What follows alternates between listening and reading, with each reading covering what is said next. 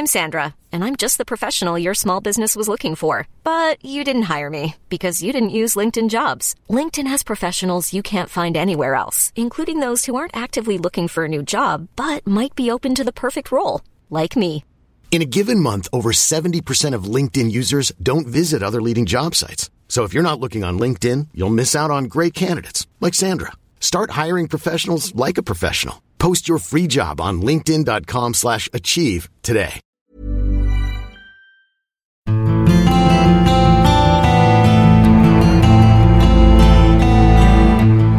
En svensk tiger, en podcast om modern historia med Ola Larsmo och Henrik Arnstad. Allons enfants de la patrie, le jour du gloire est l'arrivée.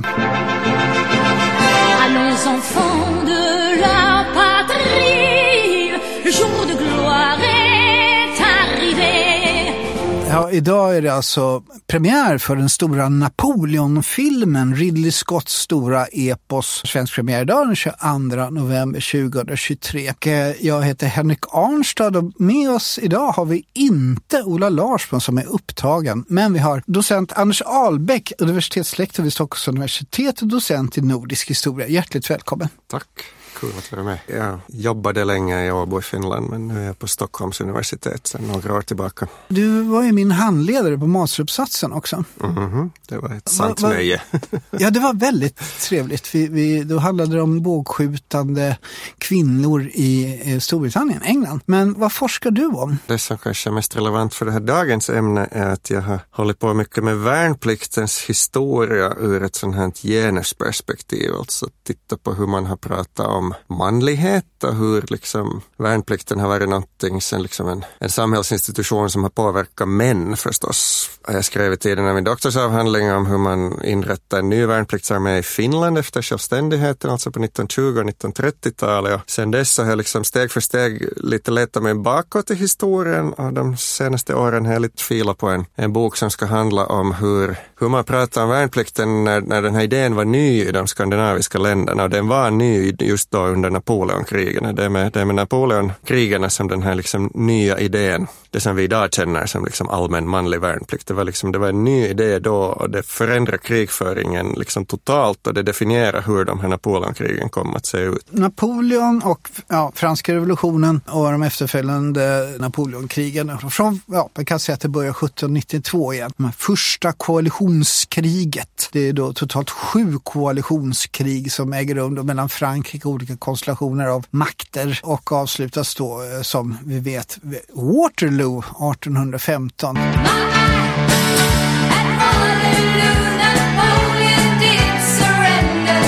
Som ABBA sjöng eh, 1974. Franska revolutionen och Napoleon, det är liksom någonting som, även om man är historiker och jobbar med helt andra tidsåldrar, så det går liksom inte att komma förbi att alla historiker har någon sorts relation till, till det som händer i Europa runt 1800. Ungefär som med andra världskriget sen, att man, man måste liksom nästan ha en relation till det. Hur ser du på Napoleon? Vem var Napoleon för dig? Han är en sån här man som, som så många andra liksom, som, som råkar vara på rätt plats vid rätt tid.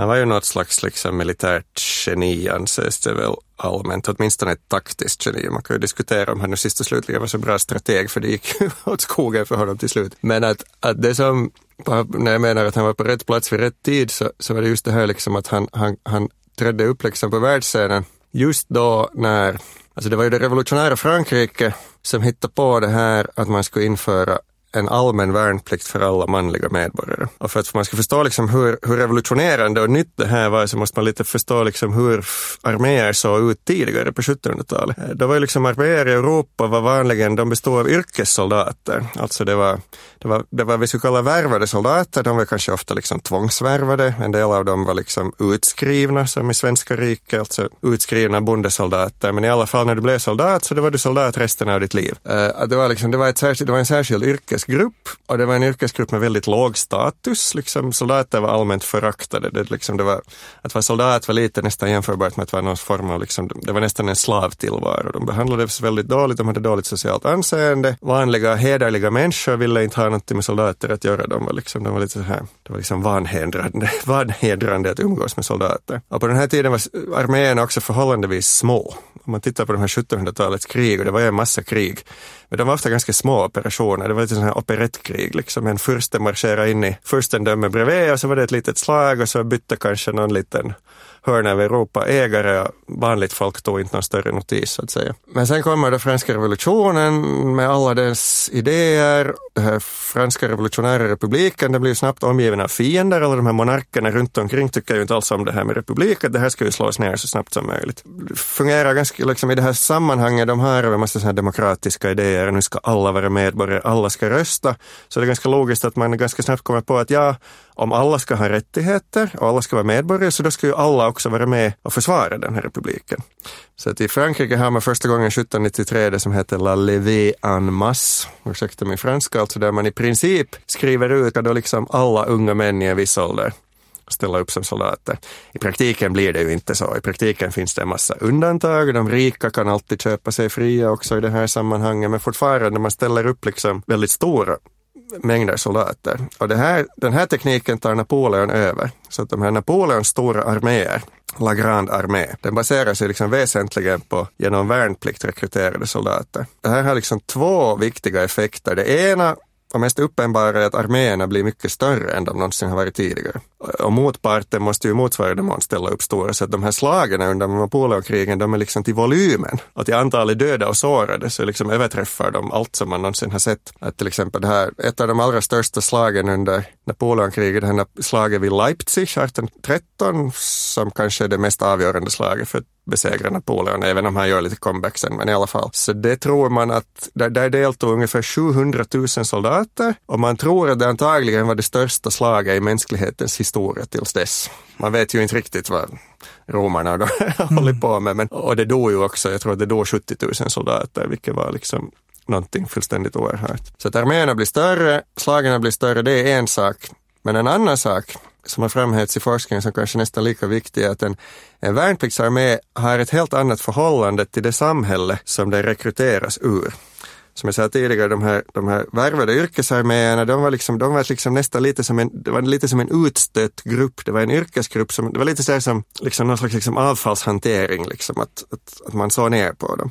Men när det blir värnplikt så då är de här soldaterna kommer från, de här soldaterna kommer från liksom vanliga familjer, vanliga byar, liksom varje familj, varje by, varje stad har liksom sina egna pojkar med där i armén. Och det betyder att den armén blir så att säga vår armé och kriget blir liksom hela nationens krig. Så att vi, liksom, vi har, tagit, vi har liksom slagit in på den här vägen som, är på, som sen så småningom kulminerar i det så kallade totala kriget. Mm. Det är ju då inte bara Frankrike som inför de här massarméerna utan som ett svar på detta naturligtvis så kommer ju då eh, massor även i de andra krigförande staterna. Vi får en tysk nationalism till exempel, vilket man inte hade haft innan. Vi kan väl redan nu förvarna om att vad vi kommer koncentrera oss på här det är Napoleonkrigets effekt på Norden. För Napoleonkrigen är då liksom lite av en olyckshändelse, skapar ett helt nytt Norden där Finland, som då har varit en del av Sverige sedan 1100-talet, bryts då loss och blir en del av Ryssland, men också liksom att det bryts loss och börjar få en egen identitet, liksom en finsk identitet. Eh,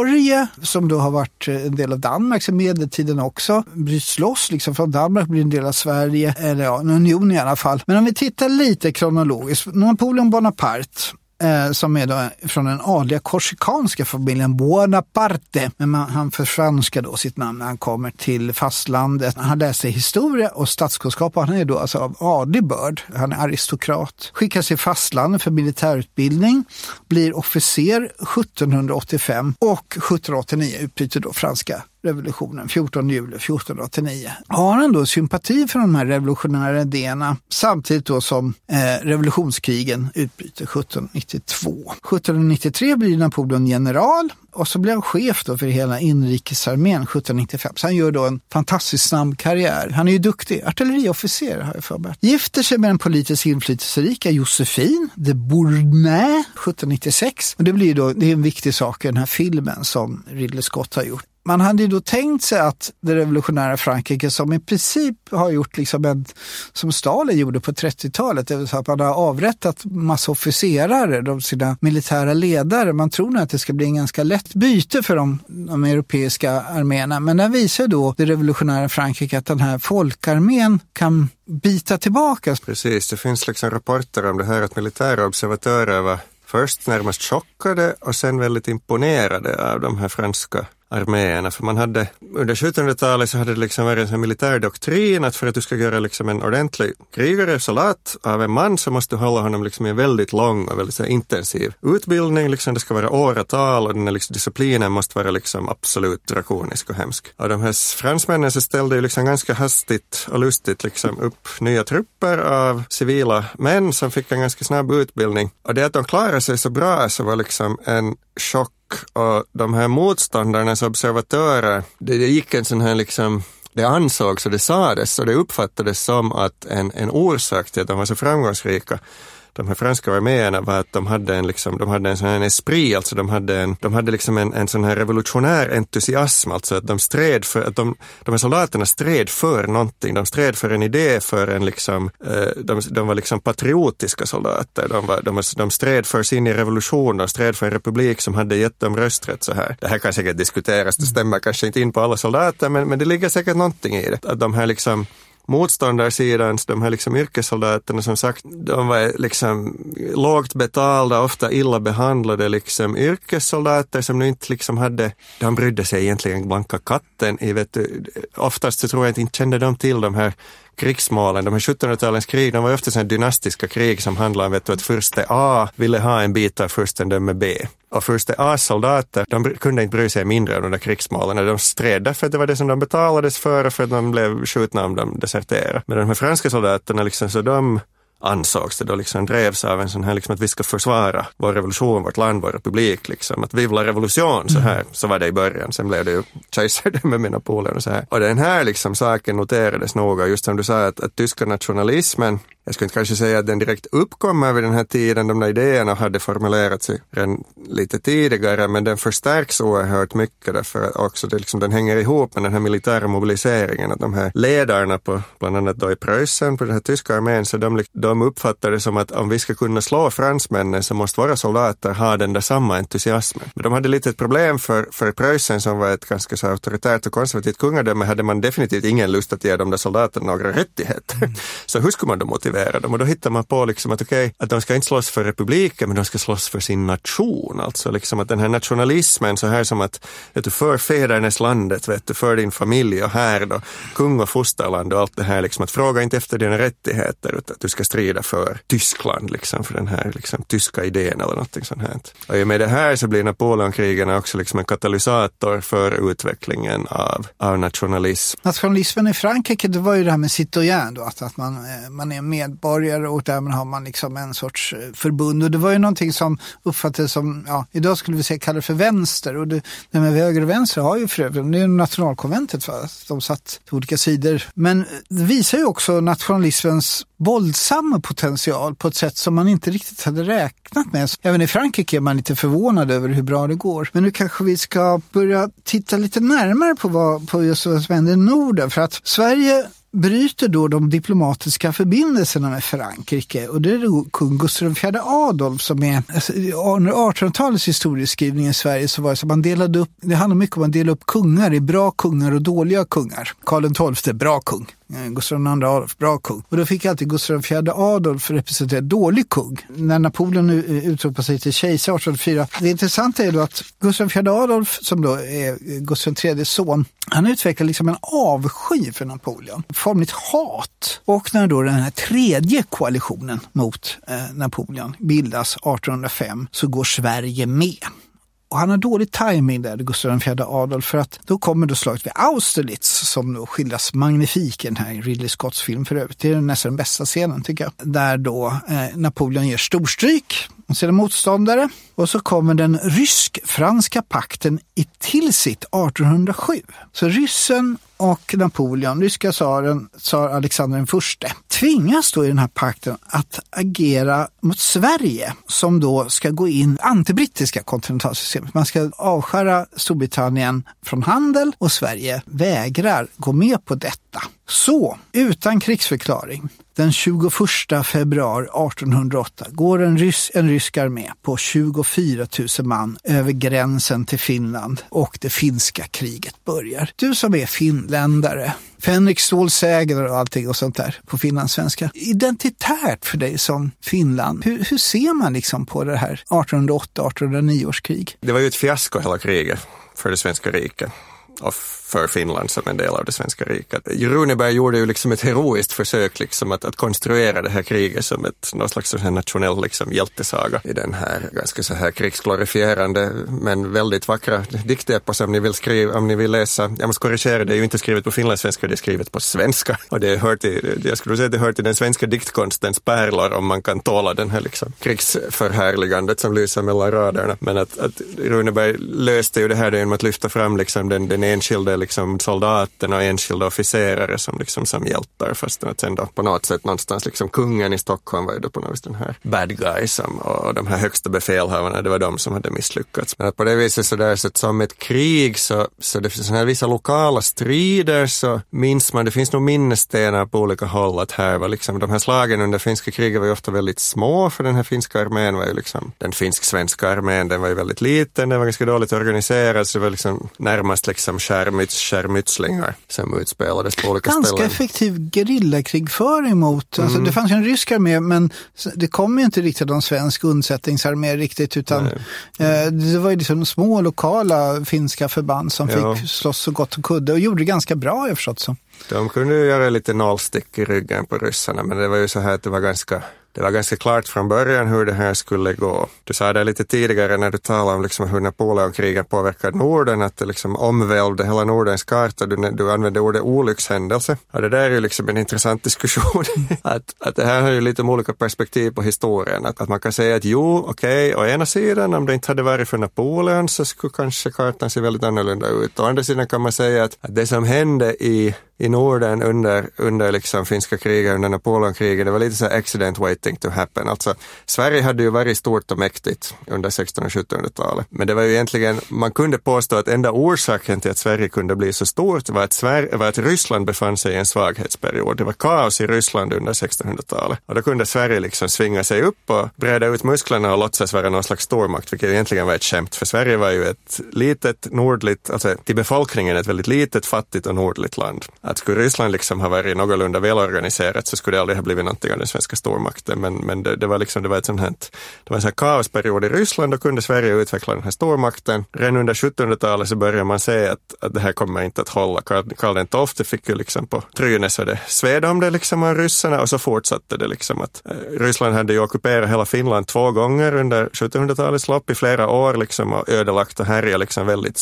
illa så att Sverige, Finland hade lidit väldigt hårt ekonomiskt. Och nu kom kom de liksom en tredje gång. Den här gången kom de liksom för att stanna. Krigsmålet var inte liksom att ge Sverige något litet stick, utan krigsmålet var helt enkelt att erövra Finland och införliva det i det ryska riket. Och det hade ju att göra mycket med försvaret av Sankt Petersburg som under 1700-talet hade seglat upp till Rysslands viktigaste stad, huvudstad och så vidare. Och man ville ju inte ha liksom en svensk gräns i närheten och man ville framförallt under, under Napoleonkrigen så ville man inte att, att den brittiska flottan, som ju då var liksom allierad med Sverige, att de skulle kunna använda Finland som bas för att attackera Petersburg. Det var det liksom den omedelbara orsaken till varför man tog över Finland. Och, och den ryska armén tog ju alltså Finland som det var egentligen en munsbit. Sverige hade väl ganska lite att sätta emot, särskilt som en stor del av den svenska armén stod nere i Skåne, därför att Danmark som ju hörde till den här samma, ingen kan hålla reda på alla de här allianserna vid det här tillfället. Så, Britterna liksom Ryssland, Ryssland och Danmark och Frankrike var alla på samma sida liksom mot då Sverige som stod ganska ensamt. Liksom man hade i princip en allians med britterna men de gjorde nog inte mycket för att hjälpa till. Så att den, här, den rikssvenska armén satt fast nere i Skåne för att skydda mot ett danskt anfall och man hade inte mycket att skicka till hjälp. Så det var nu de trupper som fanns i, i Finland som kunde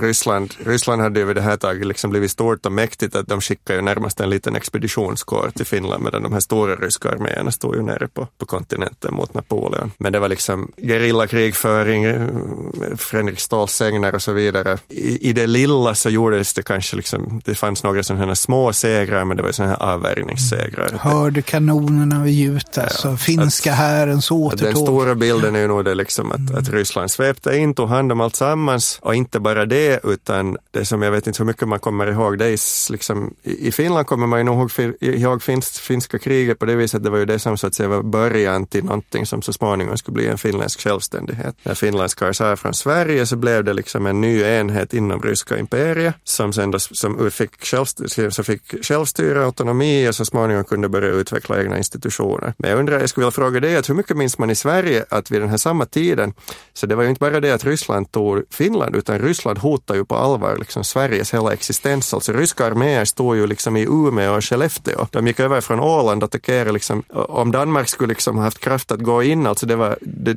jag tror att för, för de samtida då så stod det liksom, för en kort tid så stod det lite och vägde att kommer det att finnas något Sverige här om några månader eller kommer liksom alltsammans? Det är eh, helt bortglömt och lite konstigt bortglömt eftersom det ändå, vi, vi lever i en, en, tid med stark antipati mot, mot Ryssland av goda skäl. Men det har ju kommit och gått på samma sätt som den efterföljande perioden när Sverige hade då väldigt varma relationer med, med Ryssland och för den delen också Finland fick ett lyft i och med att det blev ryskt, i och med att Ryssland, åtminstone i början innan de här ryssifieringsprocesserna, så Finland fick behålla protestantisk tro till exempel.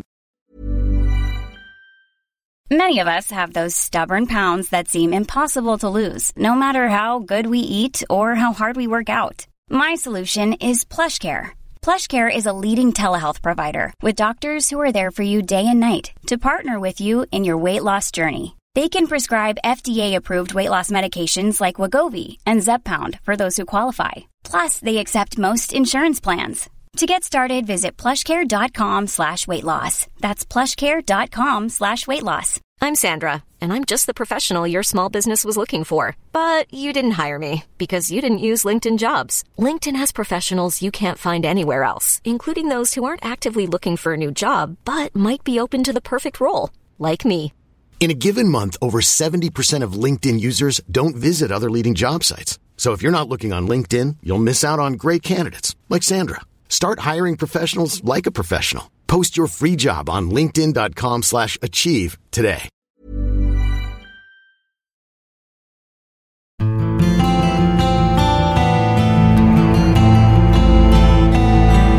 Du lyssnar på En svensk tiger, en podcast om modern historia med Ola Larsmo och Henrik Arnstad.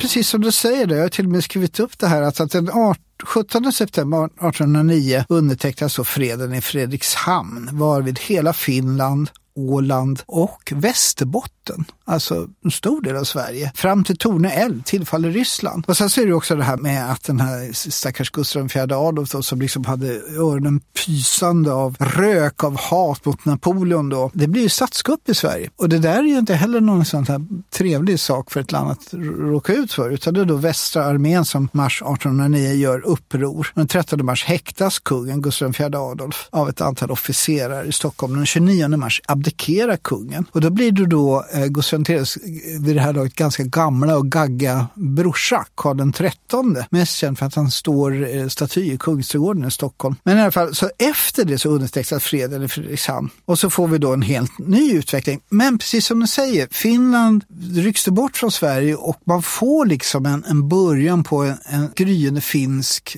eh, nationell identitet. Där får man kanske vara lite försiktig, eller det är liksom en stor diskussion att när kan man börja prata om en sån här nationell identitet. Alltså det som kommer kanske först är att Finland får en statlighet. Finland hade ju varit en organisk del av Sverige. Där vill jag påpeka så där det finns i dagens Sverige så vill jag uppleva att det ibland finns en, en del sådana här uppfattningar där man tror liksom att, att det fanns först en svensk stat och sen erövrade den Finland och Finland var någon slags en svensk koloni och det borde man nu be om ursäkt för. Det, det har jag liksom, också stött på. Det är liksom en helt fel uppfattning. När det svenska riket uppstod så liksom det som idag är sydvästra Finland så det var liksom centrala delar från början. Sverige var ju liksom en sån här korv i västlig-östlig riktning som omfattar liksom de centrala delarna av nuvarande Mälardalen och nuvarande sydvästra Finland. Därifrån börjar man sen liksom utvidga mot sådana delar som idag liksom utgör Sverige, sådär som Norrland och Småland, Skåne och allt möjligt sånt här. Så att Finland hade ju liksom varit en del av den här liksom riksbildningen från första början. Men att just då liksom 1809 när Ryssland erövrar Finland så Finland har på sätt och vis, liksom, från och med 1809 har Finland på sätt och vis haft tur fastän vi har haft otur. Alltså vi har ju varit krigsdrabbade så här jämfört med Sverige, men vi har på många sätt liksom ändå haft jättestor tur jämfört med hur det kunde gå. 1809 hade vi tur på det viset att Alexander hade bråttom.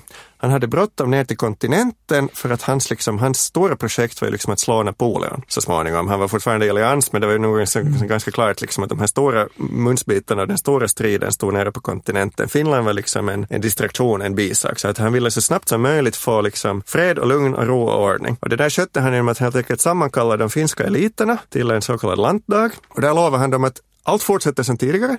Ni får hålla era lagar, er religion. Vi rör ingenting. Enda, enda skillnaden blir så att säga att den ryska tsaren stiger in på den liksom konstitutionella plats som den svenska kungen hade haft. Det vill säga Finland fortsatte med Gustav IIIs liksom lag, svenska lagar och allting, liksom, så att vi hade bara så att den ryska tsaren fungerade, liksom, tog över den funktion som svenska kungen hade haft. Finland fick autonomi, vi fick en senat och så vidare, så liksom Finland började styra sig själv ganska långt som ett, slags, som ett så kallat storfurstendöme. Och här lades ju då grunden liksom till statliga institutioner, liksom nationell, vad vi idag skulle kalla nationella institutioner. Ett slags regering som var ju en ämbetsmannaregering, den hade ju inget med demokrati att göra. Man får liksom egen post och tull och allt möjligt sånt här så småningom honom. Och, och skulle vi inte ha haft den utvecklingen under 1800-talet så skulle det ha varit väldigt små, svårt att sedan 1917 snyta fram en, snyta fram liksom en, en finsk stat. Men liksom allting fanns så att säga sen på plats 1917. Att det gällde bara liksom sen då att kapa de här sista banden till regeringen i Ryssland. Sverige fortsätter ju dock den här drömmen om att ta tillbaka Finland. Och den leder ju då, när man blir av med den här olycksalige stackars eh, Gustav IV Adolf som också hade en hel del otur. Han hade dålig timing med det mesta. Hur som helst, han var väl inte någon lysande politiker och eh, statsman. Man ska ju då ha en ny tronföljare efter en allt mer äldre ålderstigna då, Karl XIII. Och först så väljer man en dansk prins som råkar kolla vippen. Och vad ska man då ha istället då för en dansk prins? Tänker man efter, den här Napoleon, den är en häftig kille. Han har ju sina coola marskalkar och då finns det en kille som heter Mörner som liksom sticker ner till Frankrike och lite på eget bevåg om jag har fattat det rätt pratar med Jean-Baptiste Bernadotte som är en av då Napoleons coola marskalkar och frågar vill du bli kung av Sverige? Ja, det kan jag tänka mig bli, säger den här Jean-Baptiste Bernadotte. Och så kommer han till Sverige och väljs av riksdagen i Örebro till eh, svensk troföljare då, och tar namnet Karl Johan, sedermera Karl XIV Johan. Tanken är då att han ska rycka in i Finland, den här häftiga Jean Baptiste. Men han har ju en helt annan idé. Det man ser när jag läser militärhistoria på Försvarshögskolan, då var det liksom att Norden får liksom sina geografiska gränser. Att Finland går in i liksom landmassan, eurasiska landmassan. Och så, så vad är då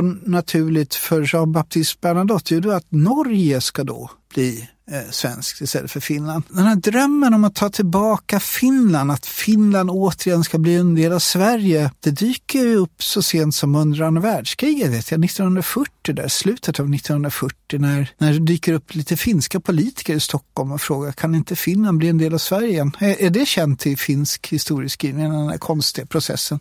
Under andra världskriget? Nej, det har jag inte själv hört talas om. Just på tal om Karl Johan eller Jean Baptiste, vad vi ska kalla honom, Bernadette, den första Bernadotten, så där kan man ju säga att kanske liksom just att en individ på sätt och vis liksom spelar en stor roll. Att, att om man skulle ha valt, om, om, om den nya kungen skulle ha varit svensk så att säga, liksom född i Sverige, så skulle det antagligen ha varit, för en sån kung skulle det ha varit viktigare liksom det här med att Finland hade ju alltid varit svenskt och så vidare. Men, men Karl Johan Bernadotte, han var ju alltså, han var en yrkesmilitär så att han, jag tror att han, han bedömde situationen ganska så här liksom svalt rationellt och han förstår ju liksom som yrkesmilitär så förstår han att det var ett dödsdömt projekt. Sverige hade inga muskler eller resurser liksom att ta tillbaka Finland av, av Ryssland som, som nu liksom verkligen svingar sig upp som en... Det var ju det här i samband med Napoleonmakten, som, i Napoleonkrigen som Ryssland verkligen som steg upp till en slags supermakt. Så att, att dels hade liksom Karl Johan liksom den här kallt, kallt rationella bedömningen och dels hade han ju liksom inga emotionella band till Finland. Han, han var ju inte ens liksom,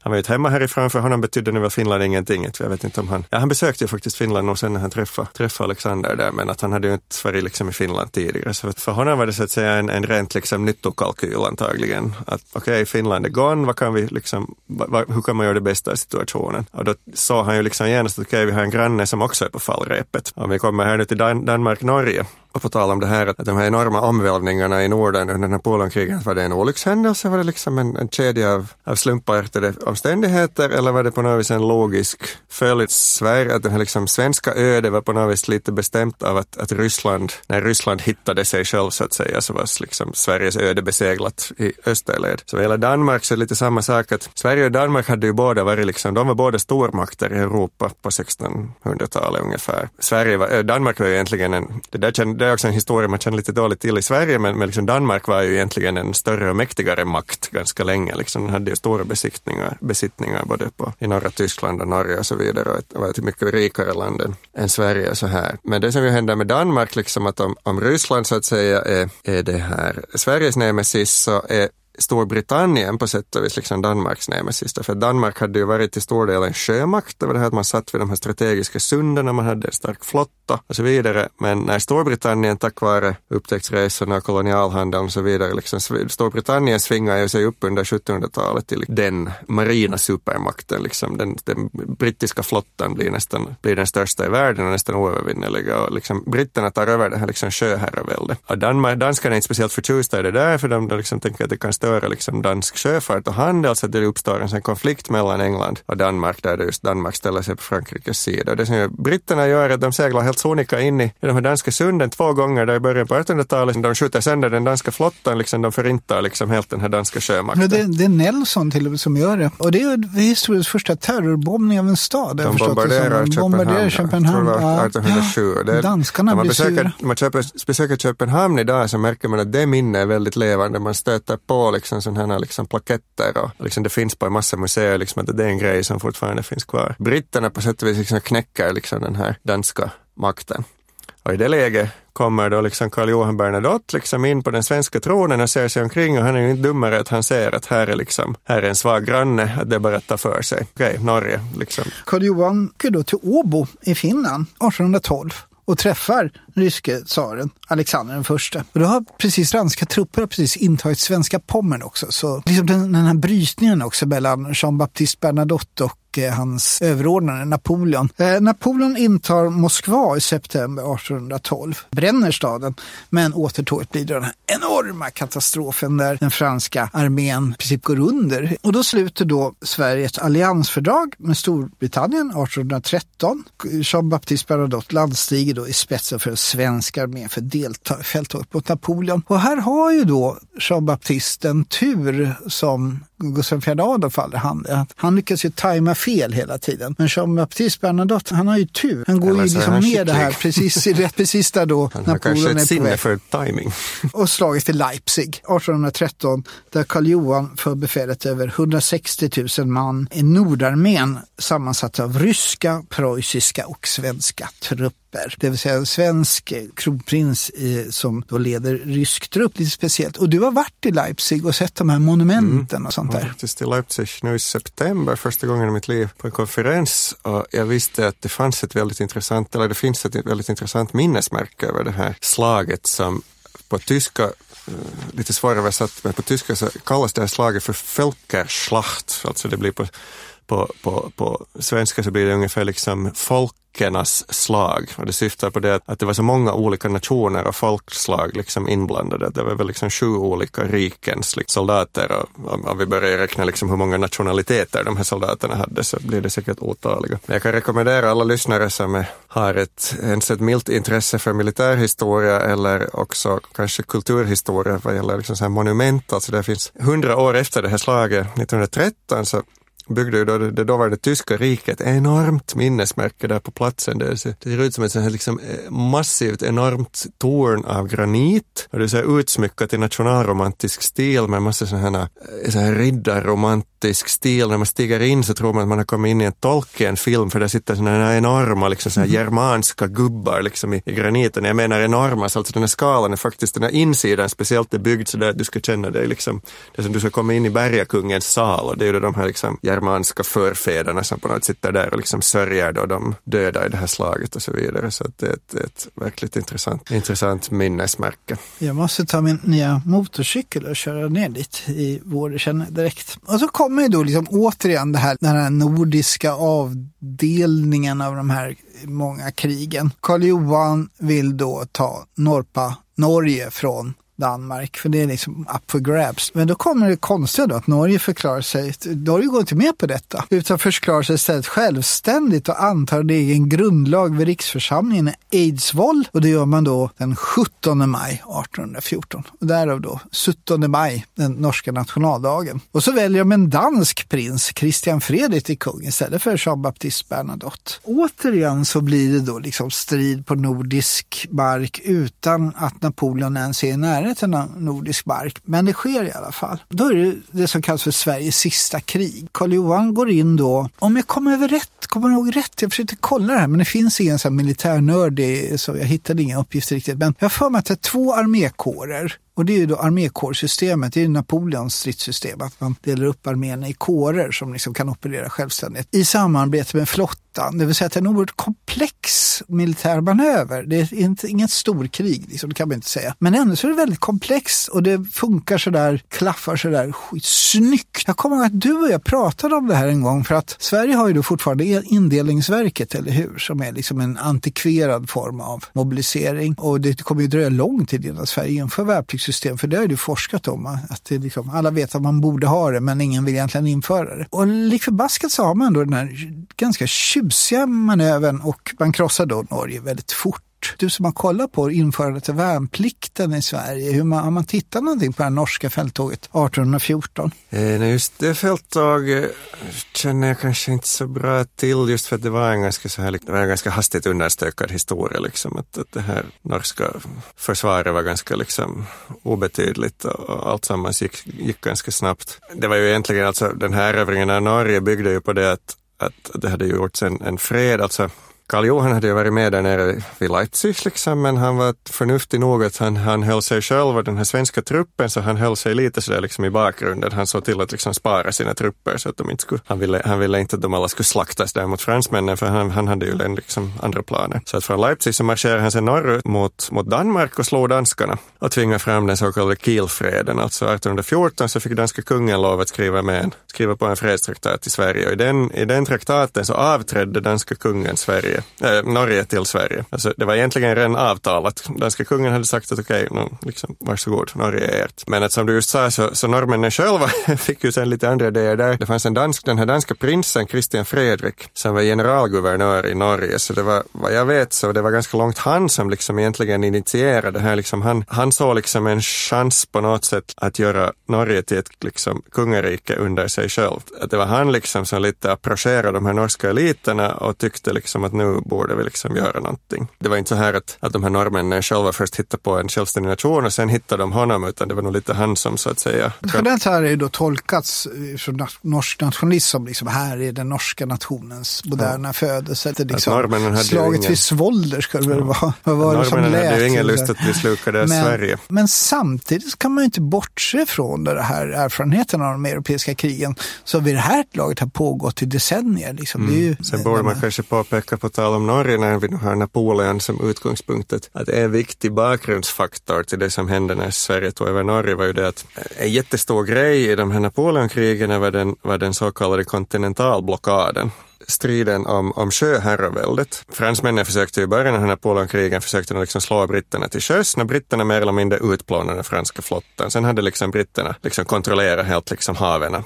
Men då försökte ju fransmännen skapade en sån blockad mot Storbritannien, det vill säga att, att, att, Storbritannien inte skulle kunna överhuvudtaget handla med kontinenten. Man skulle lite svälta ut dem så att säga. Och det misslyckades ju på grund av Storbritanniens prima handelsförbindelser med resten av världen. Men att, att den här handelsblockaden, eller den här blockaden, liksom, så den infördes också, eller liksom här, den här konflikten ledde till att britterna satte liksom in en sjöblockad mellan Danmark och Norge under Napoleonkrigen. Så att Danmark skars väldigt långt av. Danmark och Norge hade ju på samma sätt som när Sverige och Finland var, var mycket liksom liksom tätare sammanflätade. Men på samma sätt som, som Sverige och Finland så var ju Norge och Danmark, de var delar av samma rike och det var en väldigt livlig liksom, kommunikation och trafik mellan de här två rikshalvorna. När det här skars av, så väl, speciellt i Norge så gjorde det ju liksom att ekonomin fick, vändes helt på huvudet. Och det här höll på i åratal, alltså det höll på liksom jag tror det var sju eller åtta år sedan den här blockaden pågick. Under den tiden så hann man vid Norge lite vänja sig liksom att man var avskuren från Danmark och man fick lite inrätta sitt liv på ett annat sätt liksom och sköta sina egna angelägenheter. Och det här liksom bandet i Dan Danmark så det liksom lite, det brast inte men det liksom, det blev tunnare. Så att, att skulle det inte ha varit för den här blockaden så skulle det kanske inte kunna hända det som hände 1814 när man gjorde det här försöket till, till självständighet. Och i norsk historia så är ju liksom allt det här,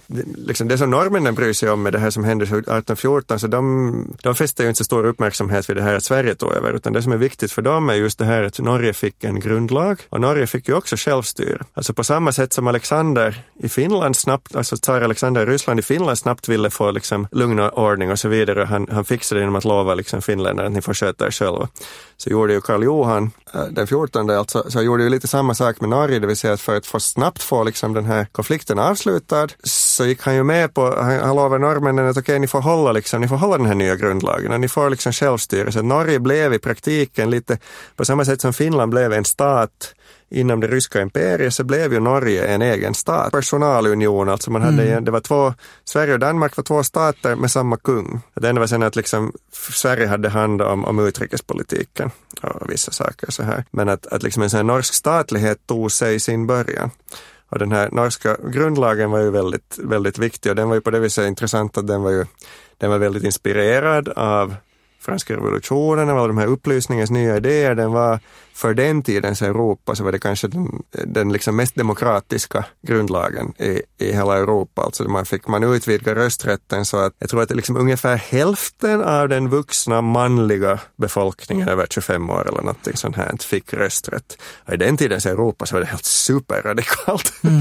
att jag vet, liksom I Sverige så var det kanske typ 7 procent som hade någonting att säga till om vad gällde val av den här ståndsriksdagen. Så att, att Norge tog liksom ett stort kliv på något vis liksom framåt mot statlighet och något slags, vad man kanske skulle kunna kalla något slags protodemokrati eller någonting sånt här. Mm. Så då, det här är väldigt viktigt för liksom norsk nationell historia. Och paradgatan i Norge heter ju fortfarande då Karl Johan. Så det är liksom, om man jämför med den ockupationen 1940 så är det liksom ett, det är ett helt annan minneskultur i Norge. Jag var på Försvarsmuseum i Oslo som ändå har ett helt våningsplan då, om 1940 och anfallet 1940. Och så försökte jag hitta, det finns inte någonting om det svenska anfallet 1914 14. En liten, liten monter med en trumma, en svensk trumma. Liksom. Det har ju inte heller funnits liksom någon sorts nationellt behov av att bygga en identitet kring liksom, försvaret mot de svenska trupperna 1814. Och, ja, och så, så Napoleon stackar då, han, han får ju på, på nöten, får då åker till eh, Elba där han hamnar i exil och så åker han tillbaka till Frankrike och tar makten igen och så kommer Waterloo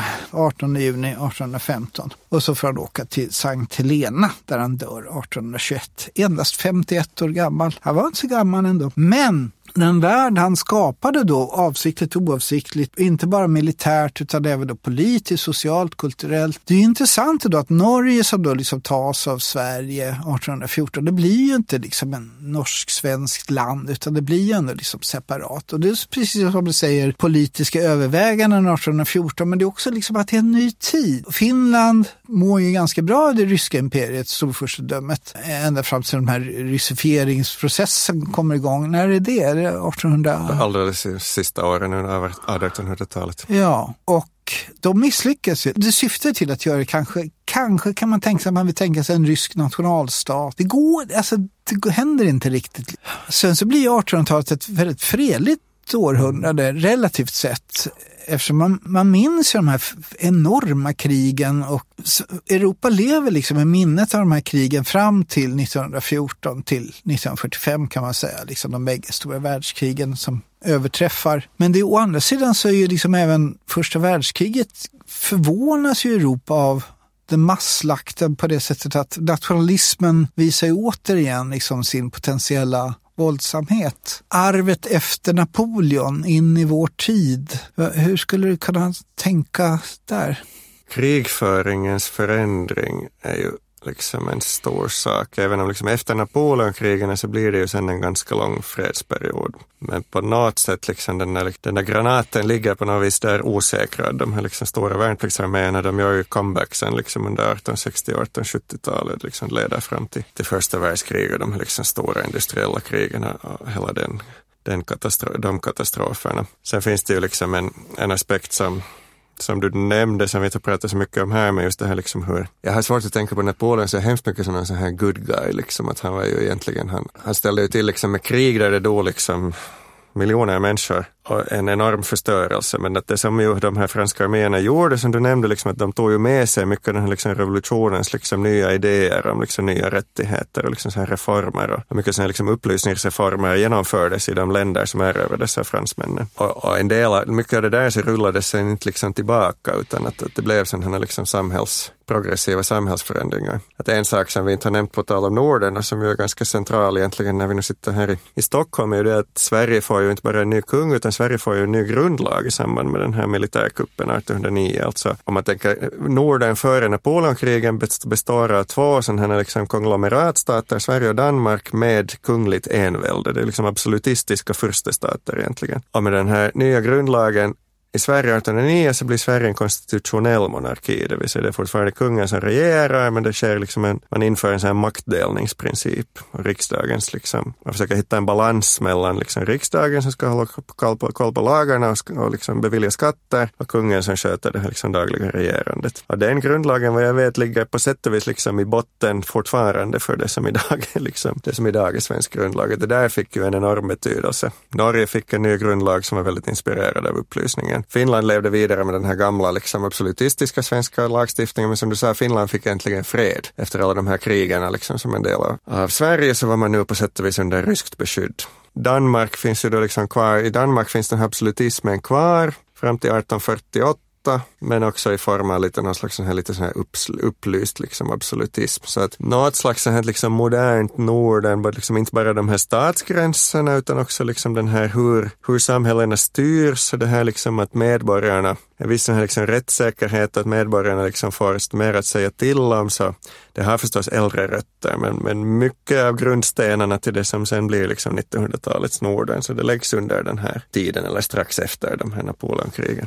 Själva filmen Napoleon såg jag då igår på pressvisningen och jag, de älskar filmen Gladiator som Eh, Ridley Scott har gjort tyckte jag att det här var ett sömnpiller. Jag tyckte det var en ganska lång tråkig historia. Men det var häftigt med Auschwitz, Austerlitz, det, det, kan man inte ta ifrån honom. Han är 85 år nu gammal, Ridley Scott. Eh, intressant, jag läser precis eh, de svenska recensionerna och de är ju hyllande dock. Det är liksom, oj, ett episkt drama och så vidare. Och det är det ju onekligen. Ska man se den här filmen då ska man se den på bio tycker jag. Det är där den gör sig bäst. I Frankrike däremot så är den nästan avskydd. Barbie och Ken under kejsardömet skriver Le Figaro till exempel. Och överhuvudtaget det är mycket historiker i Frankrike som recenserar film tydligen.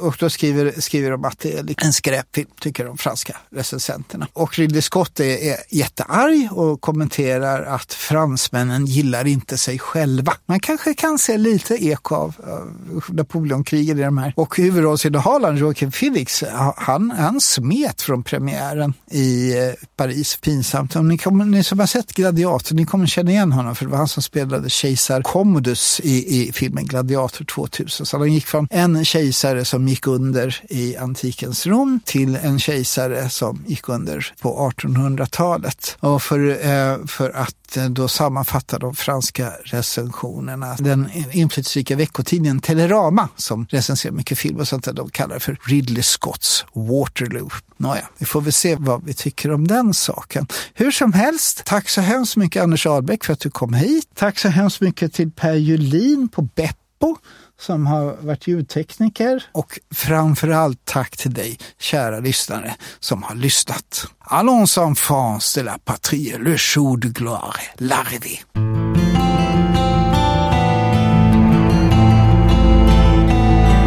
Du har lyssnat på En svensk tiger, en podcast om modern historia med Ola Larsmo och Henrik Arnstad.